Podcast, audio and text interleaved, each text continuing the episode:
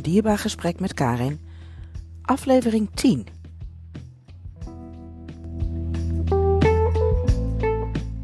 In deze aflevering praat ik met Manon Bouwmans. Zij is ook verlies- en rouwbegeleider. En vandaag praat ik met haar over uh, hoe zij tot dit werk is gekomen.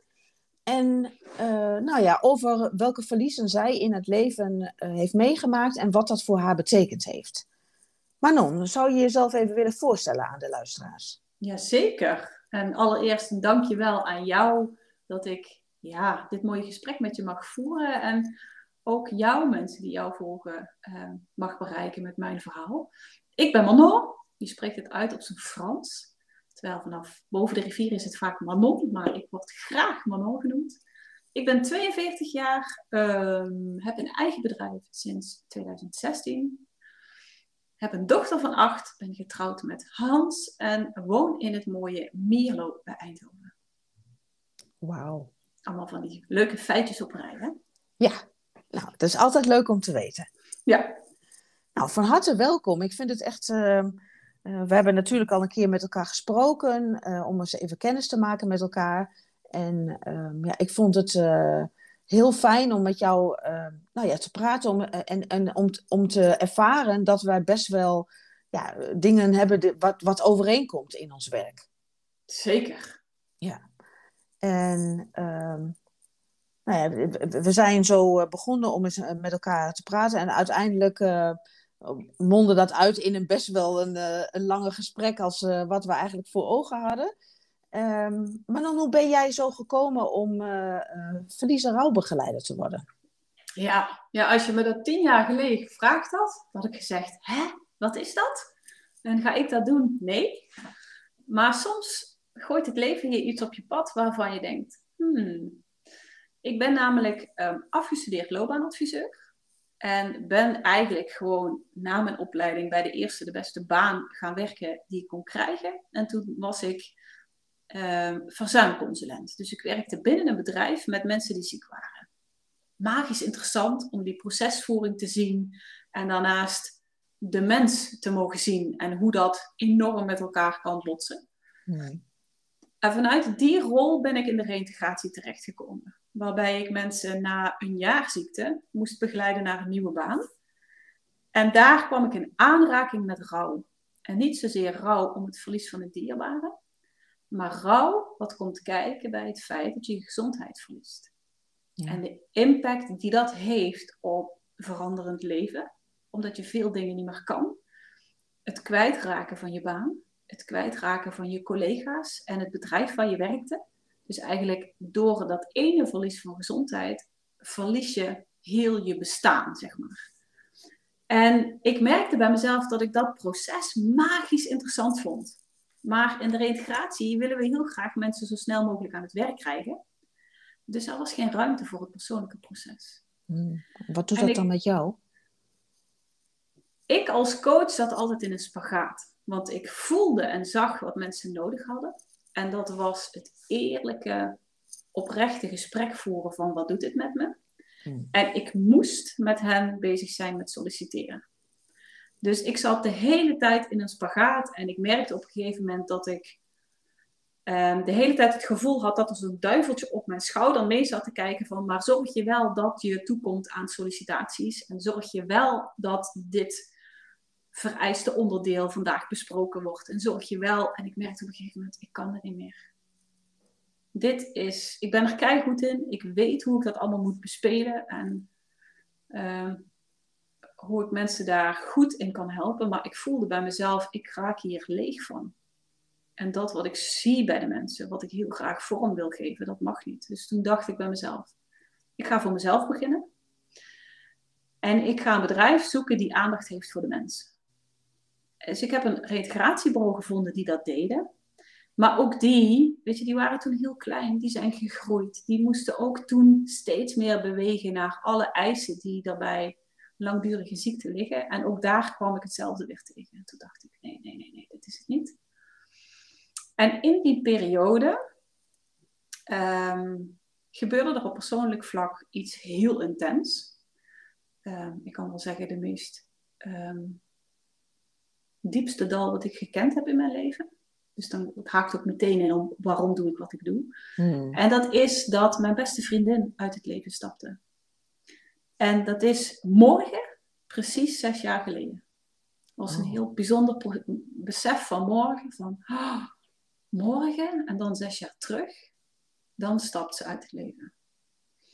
En weet je, het is best normaal. Ik was ja, zes jaar geleden, ik was 36, dat opa's en oma's overlijden. Weet je, dat ooms, tantes overlijden. Maar een leeftijdsgenootje overlijden, dat was ongekend.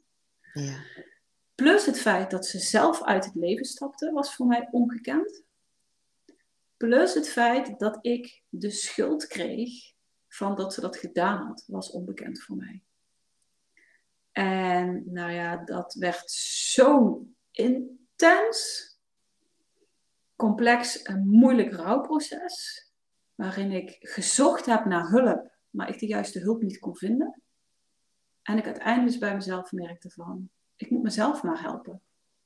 En ik ben dat gaan doen, stapje voor stapje.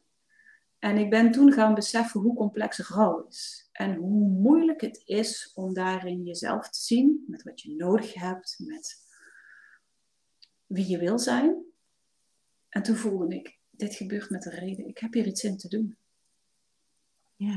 En toen binnen twee jaar mijn vader heel ziek werd en ook kwam te overlijden.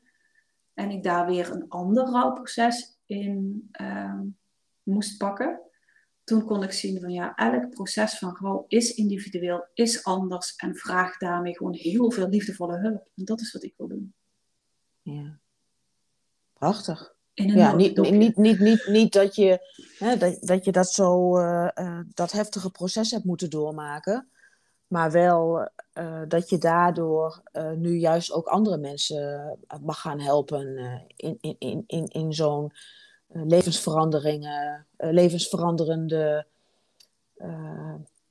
toestand is niet het juiste woord, maar iets, iets wat heel levensveranderend is. Ja. En je, je gaf net aan van, ja, ik heb mezelf in dat, in dat proces ehm, stapje voor stapje verder kunnen helpen. Mhm. Eh, wat, wat, is, is, wat heeft je daarin eh, in, in verder gebracht? Wat zijn dingen die je hebben geholpen? Ja, mooie vraag. Ehm, ik merkte dat ik, weet je, toen dat net gebeurde, zat ik echt in zo'n, en ik zeg dat even heel plat, in een mindfuck van hoe kan het dat in het leven mensen van, zij was toen 38, dat mensen uit het leven stappen. Het kan toch niet zo zijn dat dat, dat, dat, dat bestaat? Dus ik merkte bij mezelf hele duidelijke vraagtekens bij, maar wat heeft het leven voor zin? En ik merkte ook bij mezelf van ja, heeft mijn leven nog zin als deze put zo zwaar is en mijn rouw zo zwart en donker is? En toen kreeg ik gelukkig van iemand de tip om het boekje Het Sprookje van de Dood te lezen. En het is een boekje van Marie-Claire van der Brugge. En dat is letterlijk mijn houvast geworden. Het is een boekje, ja, mini-mini. Ik maak nou echt zo'n gebaar, maar jullie zien me niet. Maar het is echt, nou het zal geen honderd pagina's hebben. En dat boek liet mij een kijk op het leven zien waarvan ik voelde, en zo wil ik het blijven zien. Want deze kijk op het leven geeft mij perspectief dat alles wat in het leven gebeurt, met een reden gebeurt. En dat het aan mij is om die reden, die les, te onderzoeken. En toen dacht ik, als dat de manier is waarop we het leven hier op aarde moeten leven, dan wil ik die les voor mezelf gaan vinden. Ja. Want als ik die les kan vinden, dan kan ik hier iets positiefs uithalen en dan kom ik eruit. Als ik die les niet ga vinden en ik voel me alleen maar slachtoffer van wat er gebeurd is, dan heb ik nog een heel zwaar leven te gaan. En ik voel dat dat niet is zoals ik in het leven wil staan. Nee. Dus ik heb dat boek met twee armen omarmd. Ik heb het ook midden in de nacht een keer uitgelezen, omdat ik voelde van het trekt en ik moet. En ik ben dat, ja, ik ben dat gaan leven. Ik ben echt bij mezelf op zoek gegaan van wat wil dit mij laten zien. En wat het mij heeft laten zien is hoe makkelijk we in deze maatschappij geleerd krijgen om ons masker op te houden.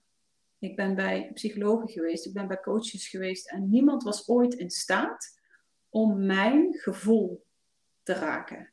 En dat deed ik vanuit een beschermingsmechanisme. Maar dat lukte nooit iemand. Maar ik voelde in mijn eigen rouwproces, rouw is het niet in mijn hoofd. Als ik rouw wil overleven, zo zeg ik dat, dan heb ik te voelen. Dus ik ben op mijn zolderkamer, daar heb ik mijn coachkamer, daar ben ik gaan voelen. Maar het is heel eng om schuld te voelen, om overlijden te voelen na zelfdoding. Dat doet iets anders dan iemand die overlijdt na ziekte. En omdat dat zo eng was, vond ik het heel spannend. Van wat als ik dat gevoel laat komen, wat komt er dan allemaal uit? Ja, wat gebeurt er dan allemaal? Precies, een beetje zo'n gevoel van zo'n vulkaan. Van als ik erin prik en ik maak een gaatje, dan poef, barst dat uit. Ja. En ik ben toen gaan ontdekken dat als ik mijn gevoel in mijn lijf een vorm, een kleur en een grootte kan geven, dan kan ik erbij blijven. Want dan ben ik niet zozeer meer met het gevoel bezig, maar dan geef ik dat gevoel body. En dan ga ik in plaats van in de angst in mijn hoofd, ga ik naar een soort van controle in mijn lijf. Van, oh, ja, dit voelt, je, om een voorbeeld te noemen. Oh ja, mijn maag, weet je, voelt heel opgezet, heel opgezwollen. En dan voelt het dan als een ballon. Want dan ga je toch kijken van wat voor referenties heb ik in het dagelijks leven waarmee ik dat kan vergelijken. Ja, en welke kleur heeft die dan? Ja, die is wel heel, heel zwart. En is dat dan een klein ballonnetje of een grote? En ik merkte daarbij, hmm, als ik dit kan doen, dan kan ik bij mijn gevoel blijven. En vervolgens heb ik dat gevoel uit mijn lijf willen halen door het letterlijk in een symbool neer te zetten. Dus ik heb in mijn kamer gekeken, is er een symbool? En alles is een symbool, hè? Een glas is een symbool, een computer is een symbool, een, een telefoon is een symbool. Dus je hele huis staat vol met symbolen. En ik ben toen gaan kijken welk symbool lijkt op wat ik hier in mijn lijf voel. En ik heb dat voor me neergelegd. En doordat ik ernaar kon kijken, kon ik, kreeg ik inzichten van, oh, dit is dus wat ik voel. En dit is dus de vorm, de beweging, en dit geeft informatie. Ik hoef niet meer met mezelf het gesprek in mijn lijf te, voelen, te, te voeren, met iets wat ontastbaar is. Maar ik kan het gesprek dus voeren met mezelf door te kijken naar het symbool van mijn gevoel. En dat geeft nieuwe inzichten. En, en uh, je zegt net van je legt dat uh, hè, voor je neer, waarmee je ermee kunt verbinden. Mm is, is het dan het gevoel in je lijf daarna anders? Ja, en waarom? Het gaat niet om het symbool, maar het gaat om het proces van een eerste gevoel naar het symbool. En omdat je er context aan geeft, dus het, het is rond, of het is vierkant, en het is geel, of het is zwart, daarmee geef je het aandacht. Ja. En gevoel vraagt om te voelen en erbij te durven zijn. Maar vaak vinden we voelen eng. En als het er is, vinden we het heel spannend. Maar door dat dus op die manier vorm aan te geven, kan het zich gezien voelen. Het is net als een kind. Hè? Ik bedoel, zet een kind op de gang voor straf. Die gaat heel hard huilen en bonken, want het voelt zich niet gezien. Ja. En dat is met gevoel hetzelfde. En doordat ik het dus uit mezelf haal in het symbool, is het lichter in mijn lijf. Je geeft het erkenning. Juist. Ja. En doordat het erkenning krijgt, kan ik ook zien in mijn hoofd van, oh, maar dit is dus wat ik altijd doe. Ik ga weg bij mijn gevoel. Want ik zeg dat nou wel zo makkelijk, hè, van ik voel iets en ik ga daar naartoe. Maar bij al mijn klanten, ja, maar nou, ik voel niks.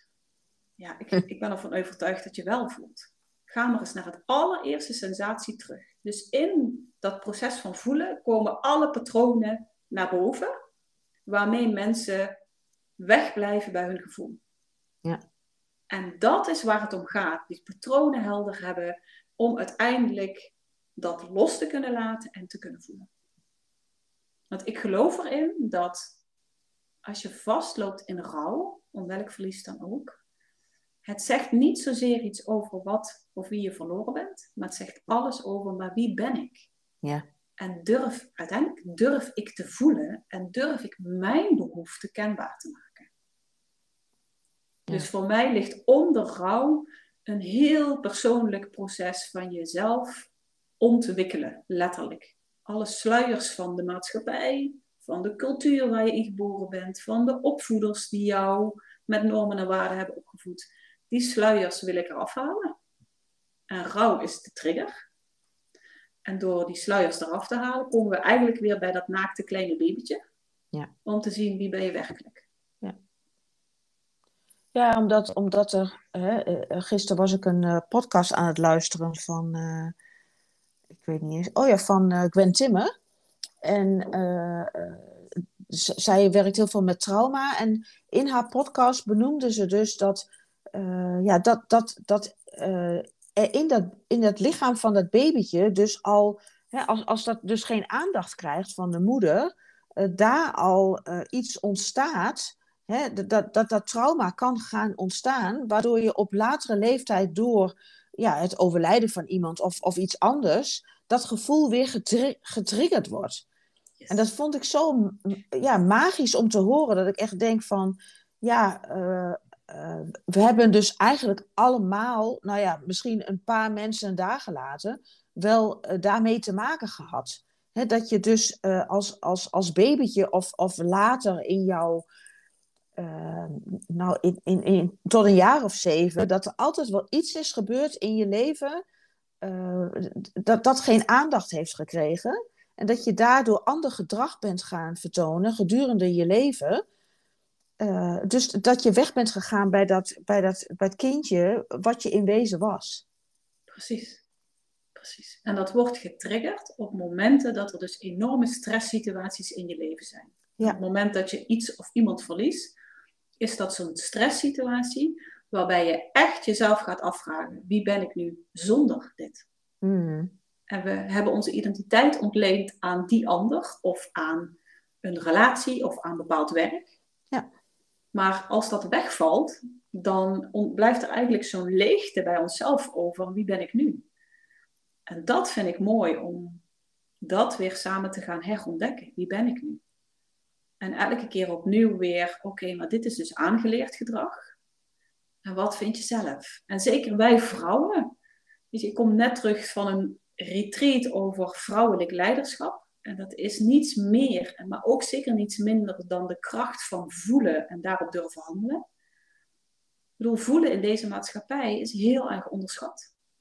En daarom is het ook zo dat ik bijna alleen maar vrouwen begeleid. Omdat vrouwen vastlopen op momenten dat er intense gevoelens zijn. Maar ze gewoon niet geleerd krijgen om te voelen, erbij te blijven, er woorden aan te geven en er doorheen te bewegen. Hmm. Het is stop het maar weg, want dat is het meest veilig. Hoe vaak hoor je bij kinderen niet van, nou stop eens met huilen, kom. Ja. ja. Omdat we dat geleerd hebben. Ja. Terwijl ik bij mijn dochter zeg, gooi het er maar uit, schat. En ik zeg niet dat ik de perfecte moeder ben, laat ik dat vooropstellen. Maar ik ga wel met haar zitten, ik geef haar aandacht aan haar emoties. En dan is ze zelf heel goed in staat om aan mij te benoemen waarom die emoties er zijn. Ja. Dat vind ik dan zo krachtig. En dan kan ze bij mij label leggen waarvan ik denk, je bent acht. Hoe dan? Ja, maar ja, eh, hoe mooi is dat? Weet je, uh, uh, de, in die podcast werd ook gezegd van als je als kleine baby heel erg huilt, ja, geef dat kind dan aandacht, want daar, daar, daar zit iets onder. Weet je, dat is, dit kind huilt niet zomaar. Dus als het kind dan geen aandacht krijgt, dan leert hij dus in feite dat huilen dus geen zin heeft. Exact. En, en, en dat, dat is uh, ja, wat natuurlijk uh, nu hè, bij onze, nou ja, ik, ik ben natuurlijk wel iets ouder dan dat jij bent, maar in de generatie voor mij, daarin, hè, die, die, die grootouders, zeiden heel vaak van, nou, laat, laat me gewoon lekker huilen. er is niks aan de hand. alles is veilig in dat bedje, maar je weet het niet. Het kind kan op geen andere manier kenbaar maken ja. Uh, dat er iets is door te gaan huilen, omdat ze, uh, ja, ze kunnen niet praten. Precies. En voor mij is dat ook nog heel logisch te verklaren, want de generatie van jouw ouders en van mijn overgrootouders, dat zijn de generaties die de oorlogen hebben meegemaakt. Ja. En daar was geen ruimte voor emoties, want je had letterlijk te overleven. Hmm. En dat is dus waarom werd doorgegeven. Ga maar niet voelen, weet je, je zegt ook net zo mooi, ja, maar het is toch veilig in het bedje, er kan je niks gebeuren. Klopt, want veiligheid was toen bij die generatie echt een big issue. Ja. Dus ik snap dat emoties dan helemaal niet zo'n belangrijke waarde hebben. Maar doordat de generaties daarna, terwijl het structureel veilig is, niet in alle landen, hè, maar hier in Nederland in ieder geval, dan komt die basisbehoefte van emoties komt weer heel erg naar boven. Ja. En als die er mogen zijn, weet je, dat... Ik weet nog dat ik ehm, in 2019 ben ik op een retreat geweest, op een rouwretreat. Omdat ik met het overlijden van mijn vader aan de slag wilde. Daar heb ik niet mee gewerkt. Ik heb vooral gewerkt met het overlijden van mijn beste vriendin. En ik zie me nog daar tijdens de yogales, en we hadden stoelyoga op de stoel zitten. En ik weet echt niet meer wat we aan het doen waren, maar ik weet dat ik op een gegeven moment volledig blokkeerde in mijn lijf. Ik zat volledig vast, echt voor, weet je, op een stoel met mijn voeten op de grond, want dat moest echt zo helemaal stokstijf in mijn stoel. Gezicht naar beneden. Ja, jij kan zien, hè, want we hebben beeld bij, maar dat, de mensen die luisteren, die hebben dat niet. Hmm. Je moet je voorstellen, ik zit op die stoel echt helemaal geblokkeerd. En het enige wat ik kon, kon voelen was schuld, schuld, schuld. En ik weet van mezelf, ik heb geen schuld aan haar overlijden. Maar dat was de eerste keer waarop ik kon voelen wat die schuld die mij opgelegd is, wat dat met mij deed. Dat was zo intens. En dat ik dacht, en dit is dus wat er al die jaren, dat was toen twee jaar later, nee drie, al die jaren in mijn lijf gezuldigd heeft. Ja. Dus ik weet wel dat ik niet schuldig ben, maar ik voel het wel. En dat was zo'n besef van, moet je eens kijken wat zo'n gevoel van schuld met mijn lijf doet. Ik zit hier stokstijf, mijn spieren staan allemaal 100% aan en ik kan niks. Nou, dat was echt zo'n moment dat ik dacht, oh, ik hoef me dus niet schuldig. Nee, ik ben niet schuldig, maar ik kan het dus wel voelen. Ja. En wat het dus doet, en weet je, dat is bij zelfdoding sowieso. Iedereen voelt zich schuldig. Iedereen. Ja, maar je, hebt altijd, je gaat altijd bedenken van had ik maar of eh, had ik iets, iets anders kunnen doen eh, waardoor het dan niet gebeurd was. Exact. Dus je hebt buiten het feit dat je iemand verloren hebt en dus een rouwproces hebt, Ja, krijg je ook te maken met een proces van schuld. En dat is heel complex. ja en En ik heb wel meerdere mensen eh, begeleid ook. Waar, ja, die een, een zoon of dochter die zelf uit het leven zijn gestapt. En, en dat komt altijd weer terug. Ja, dat is heel intens. Dus dat als antwoord op jouw vraag van hoe ben jij dit zelf te boven gekomen? Ja. En jij zegt van eh, eh, schuldig voelen.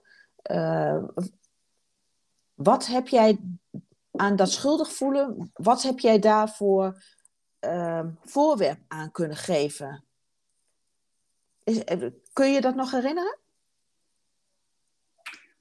Ehm, nou, op het moment dat ik dat kon voelen, mocht ik er ter plekke van die rouwcoaches niks mee doen. Want we zaten in een Mm. yogales, dus dat was lastig. Ja. Ehm, ik heb daarna een coachgesprek gehad. Dus ik was niet thuis. Als ik het hier thuis gevoeld had, had ik het op mijn manier kunnen Ja, doen. Maar dat ja. was, dan, was ik niet. Eh, dus uiteindelijk, wat heb ik gedaan? Ik heb twee stenen in de natuur gezocht. Daar heb ik schuld opgeschreven. En nog een ander woord. Zelfdoding misschien, ik weet het niet. Hmm. En dat heb ik met zwart erop geschreven. En die heb ik met zwart volgens mij helemaal of bestippeld of ingekleurd, die steen. En die heb ik daarna tijdens een wandeling met een van de andere mensen die daarbij waren, heb ik die keihard het bos ingegooid. Zo echt zo, je hoort het ook als ik het zeg, zo van, godsamme, en dit wil ik niet meer. Ja. Maar als ik hem hier, bedoel, als ik dan terugdenk aan mijn coachkamer en de voorwerpen die ik heb, dan zou ik alle zwarte stenen die ik heb liggen op een hoop gooien. Met daaronder een heel zacht iets, dat ben ik, en dit ligt er overheen. Ja. Dus het is groot, het is zwart, het is hard en het is heel veel. Ja. Nou, ik denk dat, dat, dat mensen die eh nou, nu luisteren en zoiets hebben meegemaakt, zich daar misschien ook wel in kunnen herkennen dat dat. eh, ook al is Ja. het voor iemand anders een. eh,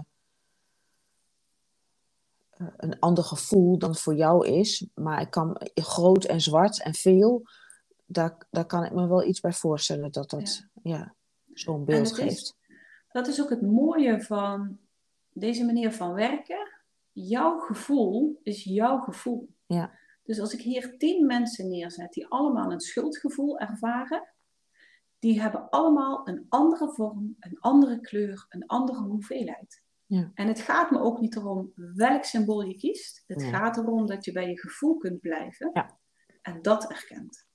Dus degene die nu luistert, weet je, als je je herkent in dat schuldgevoel, nodig ik je echt uit. Ga na deze podcast dadelijk gewoon eens even zitten. Ga je lijf in en vertrouw erop dat je lijf echt wel je signaal geeft wat je nodig hebt. En ga naar dat signaal toe. Of dat nou je dikke teen is, of je onderrug, of een vinger, maakt niet uit. Maar ga naar dat signaal toe. En blijf erbij door jezelf de vraag te stellen: welke vorm heeft het? Welke kleur is het? Hoe groot is het? Heeft het een beweging? Hmm. En je krijgt je antwoorden. Iedereen die voor de eerste keer bij mij komt en dit doet, krijgt zijn antwoorden. Ja. En als je dat gedaan hebt, dan loop je door je huis en dan ga je kijken, heb ik een symbool wat daarop lijkt? En dan geef je dat letterlijk een plek. Want daarmee krijgt dat gevoel een plek, want het mag er zijn. Ja, tuurlijk, en dat is volgens mij wat gevoel ons wil vertellen. Ik wil er zijn. Zie mij echt, dus niet half of verstopt, maar zie mij echt. En dat kun je echt letterlijk doen door het in een vorm te gieten buiten je lichaam, in een symbool dus. Mooi. En ik geloof erin dat iedereen dat kan. En mocht je dit luisteren en je doet het en het lukt je niet. Ik bedoel, via Karin kun je echt wel mijn gegevens krijgen en kijk ik graag met je mee. Ja. ja. Zeker doen. Ja, nou, ik, ik, uh, uh, ik werk ook heel erg met gevoel. Want ik geloof echt dat um, als je dat gevoel de, de aandacht geeft, dan kom je echt weer nou ja, bij de kern uit, bij wie je, ja, wie je ten diepste bent. En uh, jij maakt gebruik van symbolen en ik maak uh, nou, ook ge gebruik van de, de familieopstellingen door hè, daar ook te leren voelen, door te leren voelen wat is er bijvoorbeeld in een gezin van herkomst gebeurd en uh, uh, hoe, hoe, welke energie speelt er dan? Hè? Als ik de plek van bijvoorbeeld de vader inneem en, en, en, en degene die, uh, die, die heeft daar een intense band mee gehad, maar diegene is nu overleden. Ja, wat, dat gevoel is nooit, dat gaat niet weg. Ja. Dus daarin kun je ook weer, en, en, dat zeg ik, we nemen daar altijd de tijd voor. Ga gewoon staan of zitten en ga, ga eens voelen in, in je lijf wat dit met je doet als ik nu als jouw vader tegenover jou sta. En, en, en dat is zo prachtig om, om dat weer hè, terug te halen. Want zo kun je ja, kijken van, is dit een gevoel van liefde uh, wat ik nu voel? Of is er, komt daar angst bij kijken? Of, of schuldgevoel? Waar, waar, waar komt dat dan vandaan? Hoe heb jij je als kind wel welkom gevoeld toen je geboren werd? Precies. Ja, het maakt niet uit welke methodiek je gebruikt. Ik denk nee. dat wij rouwcoaches allemaal mensen naar het gevoel willen brengen.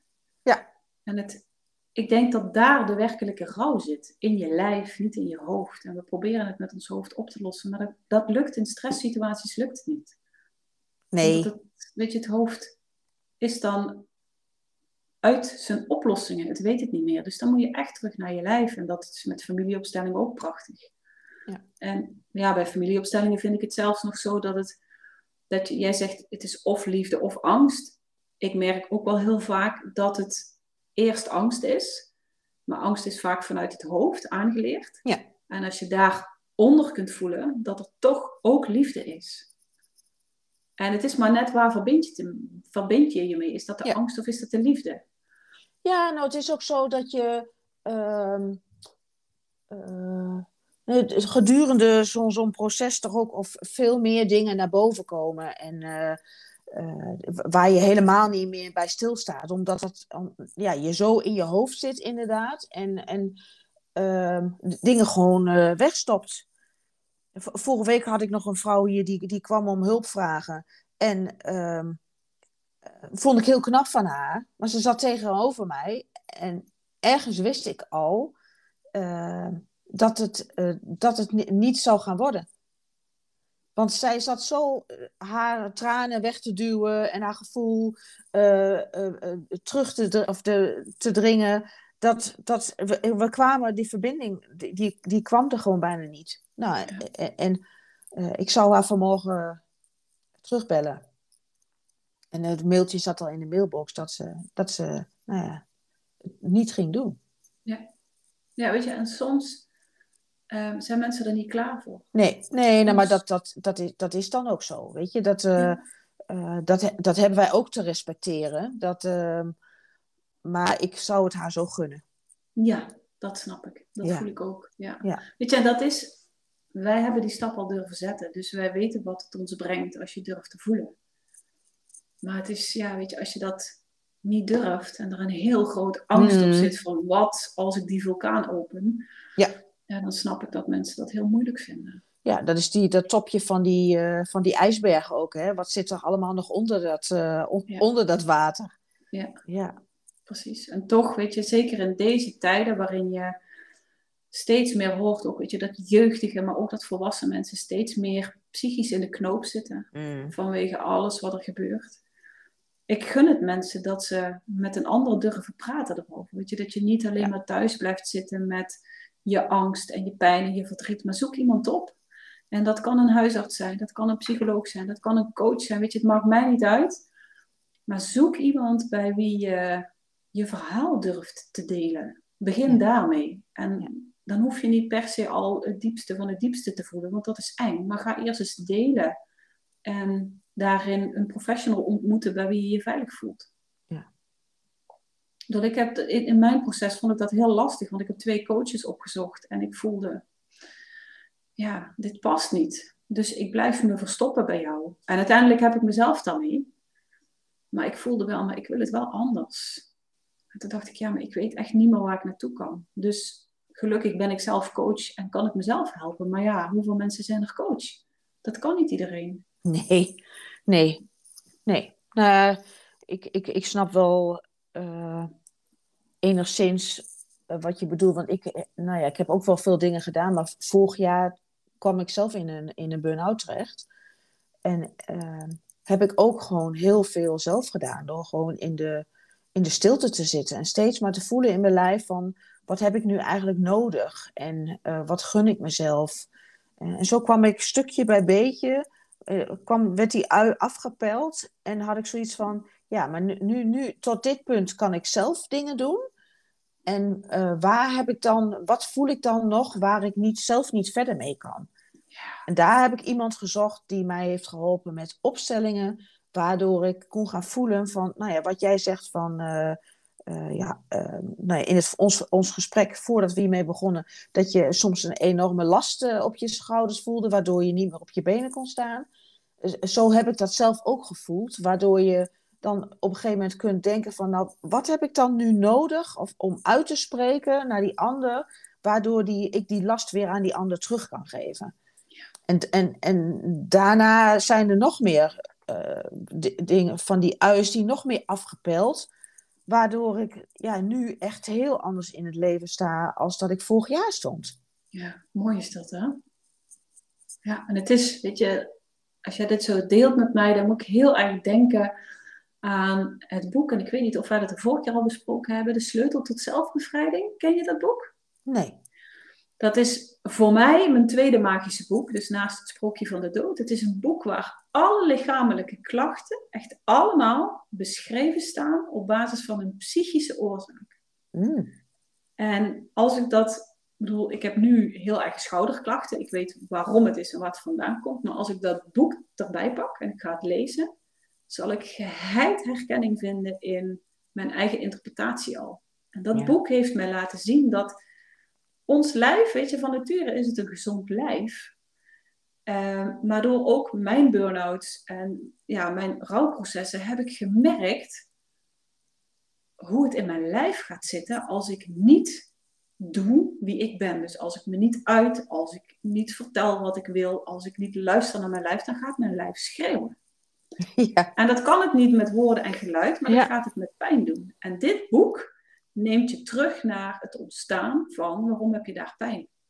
En of dat nou een oor is, een hand of een rug, de oorsprong is anders. En dat vind ik zo gaaf om te zien, want ik denk dat ons lijf ons zoveel te vertellen heeft. Ja. Daarin. En als je dat mag gaan ontdekken van, oh ja, die rugklachten, ja, die neem je misschien voor lief, maar wat willen die rugklachten je zeggen? Ja.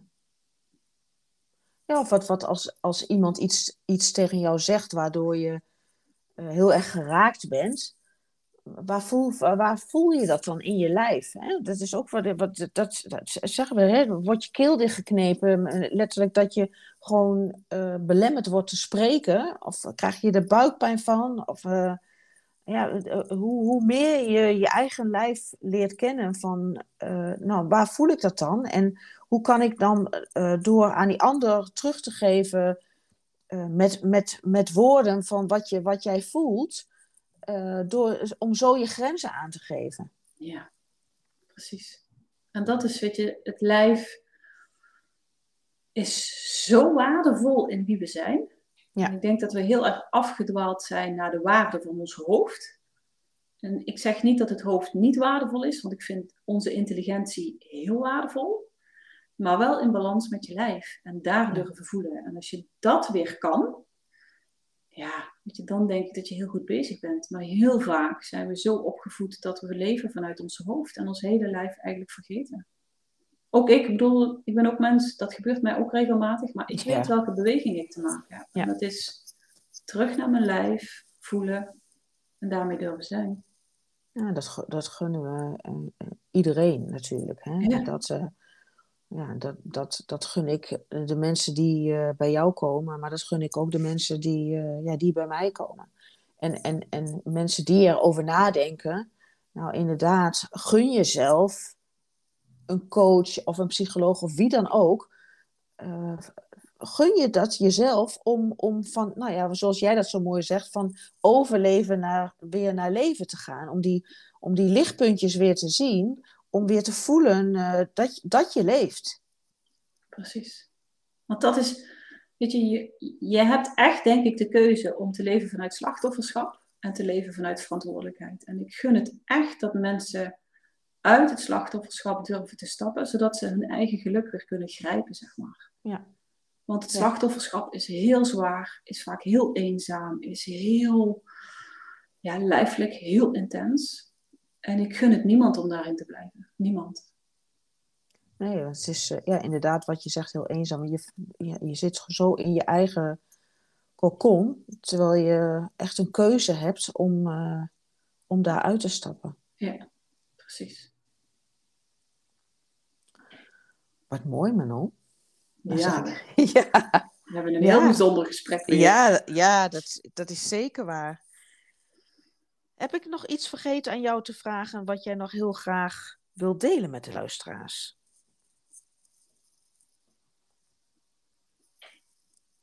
Nee, volgens mij hebben we de belangrijkste dingen besproken. En het allerbelangrijkste als je luistert en je voelt, mm, het loopt niet lekker, koop je dat boekje van het sprookje van de dood. Volgens mij is het hooguit 25 euro. Hmm zodat je houvast krijgt. Ja. Nou, je hebt twee hele mooie boeken gedeeld. Dus uh, um, ik zou zeggen, uh, ga kijken wat, uh, wat die boeken voor je kunnen doen. En um, ik wil jou heel hartelijk bedanken dat, jij, dat wij dit mooie gesprek mochten hebben met elkaar. En ik hoop dat de luisteraars ook echt iets nou, meenemen uit, uit ons gesprek. En um, nou, wij gaan elkaar vast nog ergens weer op een ander moment uh, tegenkomen. En uh, graag tot de volgende keer. Ja, super, dankjewel, dankjewel voor je mooie vragen, uh, het mooie gesprek. En eh, ja, dat ik jouw luisteraars mocht inspireren met mijn verhaal. En ze zijn altijd welkom om mij te contacten als die behoefte er is. Zeker. Dus dankjewel voor deze mooie. Ja, ik uh, ga jouw gegevens onder deze podcast uh, vermelden, zodat uh, men jou ook makkelijk kan bereiken op de social media kanalen en op je website. Dankjewel. Super. Jij bedankt.